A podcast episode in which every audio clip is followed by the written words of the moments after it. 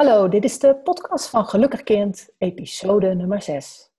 Liefdevol grenzen aangeven. Ik ben Birgit. Ik ben Edith.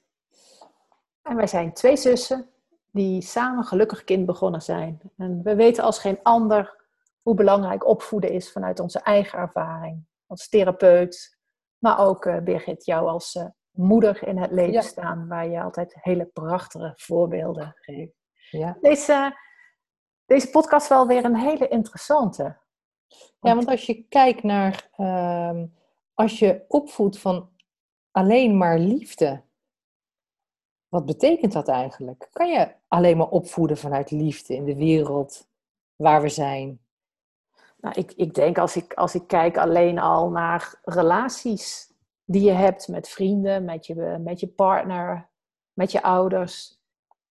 Dat bestaat niet altijd uit liefde en positiviteit. Nee, want je moet juist wel ook leren omgaan met die, met die dalen, met de pieken en de dalen van het leven. En zo leer je ook het meeste van het leven. En ook het kind leert zo het meeste van het leven. En zo werkt eigenlijk ook de maatschappij. Hè? Want de maatschappij gaat niet alleen over positiviteit. Um, ik, heb, dus ik heb het vaak gezien dat als uh, kinderen in de praktijk uh, bij mij waren, dat je zag dat ouders heel erg op de positiviteit gefocust waren, maar in de klas, de juf, deed dat helemaal niet. En een kind kwam dan eigenlijk in een soort uh, squeeze terecht, zal ik maar zeggen, en mhm. wist eigenlijk niet zo goed hoe die, uh, hoe die daarmee om moest gaan. En dat is eigenlijk als je, als je opvoedt vanuit het hoofd, Edith, mm vanuit liefde, hè? liefde vanuit het hoofd. Wat, wat doe je dan eigenlijk? Nou ja, eh, ik moet denken van ehm, een ouder die niet wil dat een kind tekort komt. En het heeft, begrijp ons verkeerd, hè? het heeft niet verkeerd. Het heeft altijd goede reden dat je doet wat je doet. Het is belangrijk om te kijken of het gunstig is voor het kind. In dit geval denk ik aan een moeder die zelf een verleden heeft waar, uh, ja, wat, wat heel heftig geweest is. En, en, en wat zelfs bij haar ouders met een, een heftig oorlogsverleden te maken gehad heeft. En zij heeft de overtuiging: ik zorg dat mijn kind maar niet tekort komt. En als het even moeilijk is op school, dan, en het kind wil bijvoorbeeld niet meer naar school toe, dan gaat ze iets aanbieden van materie, van, van spullen die deze jongen zo prettig vindt.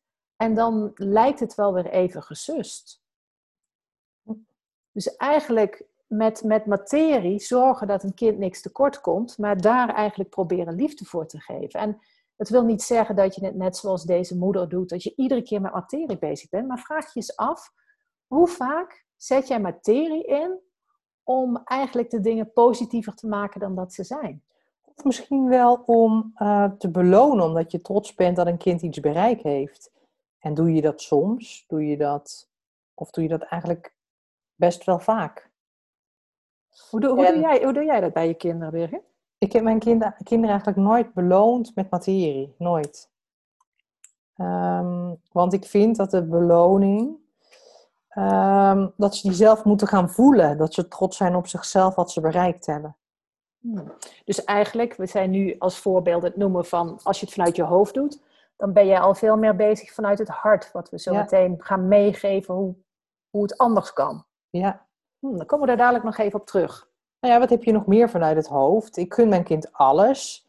Uh, en het krijgt alles wat het nodig heeft. Maar dan is het niet zozeer over materie, maar ook over aandacht geven. En uh, waar ik aan moet denken zijn ouders eigenlijk die uh, alsmaar het gevoel moeten hebben dat ze beschikbaar moeten zijn voor een kind. En uh, dan komen ze soms ook in een innerlijk conflict terecht, omdat ze niet altijd beschikbaar zijn. Of omdat ze even moeten koken of zelf even iets moeten doen. En dat is dan heel lastig, want een kind doet wel een beroep op jouw aandacht. En soms zie ik het ook wel eens bij kinderen die zichzelf moeilijk kunnen vermaken, moeilijk kunnen spelen. En dat ouders het gevoel hebben dat ze de hele dag met hun kind bezig moeten zijn. Wat ook frustreert voor de ouder, maar ook voor het kind. Want het kind leert zo eigenlijk niet hoe het, uh, hoe het zelf moet spelen. Want het heeft ook een bepaalde mate van frustratie nodig en verveling nodig om uiteindelijk ook zelf tot, uh, tot creatie te komen, tot creativiteit te komen. Hmm, dat zeg je mooi. Ja. En het is ook kinderen die ouders iedere keer opeisen als ze weggaan. Dat zie je ook heel vaak. Of, of niet willen dat ouders hun alleen laten uh, als ze in slaap moeten vallen, dat je erbij moet zijn. Dus je hebt eigenlijk dan geen vertrouwen in jezelf dat je het zelf kan. Dus je hebt een mate van uh, veiligheid nodig van je ouders, maar ook een mate van loslaten nodig, van ruimte nodig, zodat je kan vertrouwen op jezelf. En frustratie nodig. En om te zien dat je door die frustratie heen kan komen en dat het je ook zelf lukt. Want dat, dat het geeft ook een heel fijn gevoel als kind. En hetzelfde is eigenlijk, ik hou mijn kind vast en zorg dat er niks gebeurd is. Uh, dan moet ik denken aan een, aan een kind die uh, niet naar school durft te gaan, omdat het een te strenge meester of juf heeft. En uh, dat je als ouder eigenlijk je kind hier enorm in wil beschermen. Um, en dat je ook veel op de stoep staat bij school en dat je daar het gesprek aan wil gaan over wat je kind nodig heeft. Terwijl, hoe mooi is het als je kind leert omgaan dat niet iedereen um, geleveld is met jouw kind. En dat dat ook zo is zoals de maatschappij is. En dan moet ik er wel bij zeggen, hoe jonger het kind is, hoe moeilijker het is, hoe naarmate je kind ouder is, hoe makkelijker je dat je kind kan leren. Het is eigenlijk een heel groot cadeau als je daarmee leert om te gaan. Precies. Hoe moeilijk ook, hè? Ja, ja. Nou, bij al deze punten van iedereen doet het wel in kleine mate en, en soms in, in heftige mate. En, en wat we jullie willen meegeven hierin, van ja, eigenlijk een stukje wakker worden van waar jij nog dingen kan bijschaven. Want in alle opvoedingen is iets bij te schaven. Dat doe jij ook nog iedere keer, Birgit. Ja, altijd. mooi. Hoe je, hoe je iedere keer dan weer reflecteert en denkt van... hé, hey, dat kan iets anders. En dat kan je doen door te kijken naar, naar hoe je vriendinnen doet... of uh, een opmerking die je krijgt... of uh, wat je kinderen je laten zien... of dingen die wij hier zo aangeven in deze podcast. Ja. Uh, wat je ook ziet van... ik bescherm mijn kind voor pijn en verdriet, liefdeloosheid... die van buiten komt. Dus een kind valt bijvoorbeeld buiten de groep...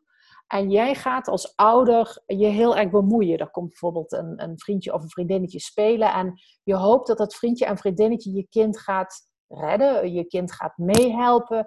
En jij doet heel veel moeite om, uh, om het voor het kind op te lossen. Terwijl als ik in de praktijk kijk, als deze kinderen komen en ik leer het het kind zelf te doen en zelf op te lossen, dan ontstaat er opeens zelfvertrouwen. Dan ontstaat er opeens uh, zelfredzaamheid. Dan gaat het kind opeens groeien. Uh, en ja, dat is eigenlijk wat je wil. Dus het is heel mooi als je het kind hierin wil helpen. Maar vaak verval je als ouder in het kind te redden. En je wil eigenlijk het kind helpen om het zelf te doen. En als je die oplossing kan vinden, ja, dan gaat het kind ook grote ontwikkelingsstappen maken. Ja. Dat zie ik in ieder geval veel. Ja, maar wat ik ook zie is uh, dat ouders. Uh, ik heb vroeger te weinig liefde gekregen en zal zorgen dat mijn kind niks tekort komt. Uh, dus je gaat heel erg je best doen om, ehm, nou om je kind alles te geven. En misschien wel overladen met knuffels en kusjes. En alles wat negatief is, hou je weg van je kind en weet je positief te draaien. Maar met als gevolg dat je kind niet leert om met die negativiteit, waar we het net ook al over hadden, uh, leert om te gaan. Dus wees je bewust, wat heb jij vroeger voor een opvoeding genoten? En ben je dat aan het compenseren? Of, uh, uh, of doe je het echt afgestemd met, uh, met ook begrenzingen erbij, zodat er ook negativiteit mag zijn?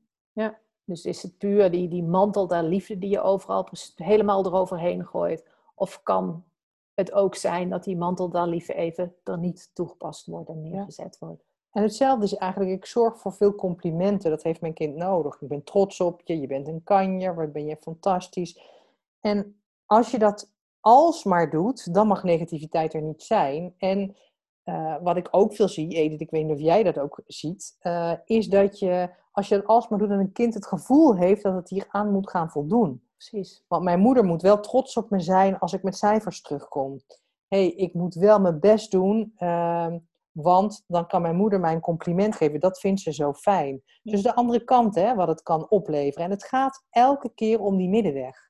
Ja. Je ziet ook vaak als een kind dan bijvoorbeeld uh, uh, met cijfers thuis komt, op de middelbare school of misschien op de lagere school, dan een kind als het cijfer maar iets slecht is, zelfs een, een 7 of een 6,5, dat het kind het gaat verzwijgen. En je niet vertellen, omdat jij niet trots kan zijn. Dus het kind gaat ook mee in eigenlijk die, die fantastische wereld die je creëert. Ja. Als het kind niet kan voldoen, dan gaat het, ja, gaat het liegen. Of dan gaat het dingen verzwijgen. Of dan uh, ja, op andere manieren om het alleen maar positief te maken. Maar ik zie ook, Birgit, uh, ouders die, um, zelfs al is het negatief, dan weten ze het positief te draaien. Ja. ja. En, en dat zijn mooie dingen. Het zijn allemaal prachtige dingen om te doen. Maar als het te wordt, dan draait het door. En dan is het niet ten gunste van de ontwikkeling van je kind. Dus wat we net, wat we net eigenlijk zeggen, als je alleen maar vanuit liefdevol je kind wil benaderen vanuit je hoofd, dan kan het zijn, het gevaar zijn dat, dat je te veel geeft, waardoor je je kind ook kan verstikken en te weinig ruimte geeft om negativiteit er te laten zijn. Ja. En te ervaren in het leven. Precies. En als je vanuit het hart gaat werken, dan, ja, het lijkt wel of het hart positief is, maar het hart kan ook gebroken zijn. Een hart staat ook in mijn ogen voor negativiteit. Dus wat je doet als je vanuit het hart dat contact maakt en vanuit het hart afstemt, dan zie je daadwerkelijk wat het kind nodig heeft. En, en dan, zie, ja? en dan, um, dan leert het kind ook van het leven. Precies. Precies. Zowel in de pieken als de dalen die er allemaal bij horen. En dan, is, het, en dan is negativiteit ook niet meer zo erg. Want het hoort er nou eenmaal bij. En je hebt veel meer een balans binnen in jezelf om ermee uh, te leren dealen. Ja, nou, die ik altijd zo mooi vind, uh, is waar wij het over hebben, heb ook fouten maken moet. En fouten maken moet met een D. Dus niet dat je moet fouten maken met een T, maar fouten dat je moet, de moed hebt in jezelf om fouten te durven en te kunnen maken. En, en, en zet daar ook humor bij in. En laat ook zien bij jezelf dat het jou ook niet altijd in één keer lukt. Het is ook belachelijk dat het allemaal fantastisch, geweldig in één keer moet lukken. Dat kan niet. Dat lukt mij niet. Dat lukt Birgit niet. Dat lukt niemand. Soms wel, maar vaak niet. En wees je dan bewust ook hoe ga jij zelf om met fouten maken? Kan jij zelf fouten maken of vind je het ook moeilijk? Ben jij iemand die snel ook alles goed praat binnen in jezelf of het weg wil stoppen als je een fout hebt, omdat je er zelf moeilijk mee kan dealen? Dus onderzoek dat ook eens bij jezelf, hoe dat zit. Ja. En, en leer het kind dat, dat, ja, ga fouten vieren. Want dat betekent dat je hebt durven door te zetten en dat je eigenlijk uit je comfortzone bent gestapt. Dit geldt niet alleen voor kinderen, het geldt natuurlijk ook voor ons als volwassenen. En dat je durft die ontwikkeling aan te gaan. En, en ja, dat je, zelfs Birgit, ik las laatst van, um, als je leert lopen, dan val je gemiddeld 1700 keer. Dat nou, is veel. Ja, dan heb je toch wel echt fouten maken moeten als klein hummeltje nodig om iedere keer weer op te staan. En ik zie geen enkel kind die gaat zitten en zeggen: Ik ga het nooit meer doen. Ja. ja. ja. Dus um, nou ja, het gaat er eigenlijk om zodat je elke keer weer afstemt op je kind en ook kijken wat je kind nodig heeft. Um, en als het vastloopt, kijk, als, als je kind vastloopt, kijk ook in, in de spiegel van jezelf. En kijk naar een stukje reflectie van jezelf. Van wat, wat kun jij doen om het kind aan te moedigen om vanuit je hart om weer een stap verder te gaan. Want vaak zit er een, een, een wederkerigheid met jezelf. Ik weet nog steeds het voorbeeld bij jou, Berit, van, die, van je jongste zoon. Die uh, ook met fietsen, dat jij eigenlijk uh, hij, hij was wat angstiger om te fietsen, maar jij was ook angstig om hem te laten gaan. Nou ja, jullie hielden elkaar in stand. Terwijl je oude, twee dochters die ouder waren, durfde je veel meer uh, uh, moed of, of, vertrouwen te geven dat ze het zelf konden. Dus het heeft ook te maken, durf te kijken naar jezelf. En durf kritisch te kijken, is dit wat ik doe? Ja, ik doe hier iets in. Aha, wat heb ik te doen om mijn kind te helpen om groter te worden, om te leren te ontwikkelen, om fouten te mogen maken en om verder te mogen en kunnen groeien. Ja, precies. precies. Um, maar je bent ook bewust van de voorbeeldfunctie uh, en je spiegelt dit. Als jij een ouder bent die moeite heeft met uh, frustraties uh, om te gaan, um, nou ja, wees je bewust dat jij een spiegel bent voor je kind. Dat je kind het daardoor misschien ook wel lastiger vindt. En bespreek dat met elkaar. Bespreek hoe jij daarmee omgaat. Bespreek hoe je kind daarmee om kan gaan. Of vraag aan je kind hoe je kind eigenlijk al eh, op andere momenten met frustraties om kan gaan. Dus gebruik die, die eh, mooie voorbeelden ook om je kind weer te leren van het leven. En dat is eigenlijk liefdevol opvoeden en, en liefdevol begrenzen. Want een kind um, die frustratie laat zien en misschien wel boosheid daarbij laat zien, en jij begrenst dat die boosheid er niet is, kan ervoor zorgen dat het kind nog meer in opstand komt of nog meer boosheid laat zien. Terwijl als je in contact gaat, liefdevol in contact gaat en nieuwsgierig bent waarom je kind die frustratie laat zien, ja, dan kan je het eigenlijk samen oplossen. Kan je je kind een helpende hand bieden om het op te gaan lossen. En juist ook door het te leren van hoe jij dingen doet in je leven. En dat jij bovenal mens bent en je kind ook. En dat iedereen leert gedurende zijn hele leven. Precies, precies. En dat, dat, dat zie je ook. Een van de voorbeelden daarin die wij zelf allebei regelmatig in de praktijk tegenkomen is ehm, als je uh, perfectionistisch bent. Hoe vaak zie je dan niet, als ouder ben je perfectionistisch en het kind wordt ook perfectionistisch. Nou, als jij je eigen perfectionisme verandert, ja, sta verbaasd wat het kind dan ook meedoet. Afhankelijk van, van het temperament en het karakter van het kind en afhankelijk van de leeftijd, zal het kind snel of wat langzamer met je mee gaan bewegen daarin. Ja, terwijl je op andere momenten wel zou zeggen, nou ik wil nu dat je ophoudt met die cijfers, steeds maar zo moeilijk over doen, zet je eroverheen, um, dit, dit, uh, uh, dit helpt je niet. Dan raak je eigenlijk het kind kwijt. Precies. Terwijl je het doet op de manier zoals jij het net aangaf, Edith, dan hou je contact en geef je liefdevol eigenlijk grenzen aan. Ja. Dus die, die pieken en die dalen, die horen gewoon bij het leven. En, en hoe ga jij met negativiteit in je leven om? Hoe ga jij met teleurstellingen om? Mogen die er zijn? En uh, um, leer het kind te genieten. En, en ook zijn eigen problemen op te lossen. Want als het kind zijn eigen problemen kan oplossen, ja, dat zijn enorme bergen die het kind verzet. En het mooie is, Edith, dat je daardoor ook uh, veel minder strijd gaat krijgen. Als jij uh, duidelijkheid geeft aan je kind van uh, je mag een uur gamen per dag, ik zeg maar even wat. En, ehm, dan, en je leert je kind zijn eigen problemen op te lossen of om te gaan met, met moeilijkheden in je leven, zal je kind dit makkelijker uiteindelijk kunnen zeggen na een uur: Oké, het is klaar, ik zet die computer uit en je moet het misschien nog een keer zeggen, maar uiteindelijk doet hij het als dat een kind dit niet kan en dat jij de hele dag loopt te roepen: computer uit, tv uit, kom op, we gaan eten, dan ontstaat er heel veel strijd. Terwijl als je uh, je kind veel meer oplossingsgericht uh, zelf opvoedt, ja, dan is het, is het eigenlijk al veel minder strijd en, en is het ook gezelliger in huis. Komt het vanuit het kind zelf? Het is hetzelfde, hoe vaak zitten wij als volwassenen niet op onze mobiele? En ja. uh, dus ben ook bewust, wat, weer wat we het eerder over hadden, wat doe jij? En als jij erachter komt, oh maar wacht even, ik vraag iedere keer van die computer vandaan te komen en te, te stoppen of, of met de, de gamecomputer uh, zelf te stoppen en, en niet de hele tijd van slaven door te gaan. En als je erachter komt, hé, hey, maar ik pak die mobiele ook heel vaak. Verander weer dingen zelf en, en laat ook zien hoe fijn dat is als je zelf tot oplossingen komt. Dus eigenlijk wat we net al zeiden, leer ook mee. Uh, leer ook mee met het kind eigenlijk. Hè. Ga mee in het, wereld, in het wereldbeeld van het kind. Maar leer ook mee dat bepaalde kinderen uh, bepaalde benaderingen nodig hebben. En durf ook dat, dat uh, aan te passen. En die jij denkt dat dat nodig is. Precies. ik, ik kan even als voorbeeld benoemen uh, mijn zoon, die, die eigenlijk helemaal niet hield van, van vroeg naar bed gaan. En het gevoel had dat zijn leven daardoor minder leuk was. Want het was zonde van zijn tijd. Want het leven is zo leuk. En uh, naarmate die ouder werd, moesten wij echt heel bewust elke keer weer tegen hem zeggen dat hij een kwartiertje langer mocht opblijven. En daar groeide hij enorm van.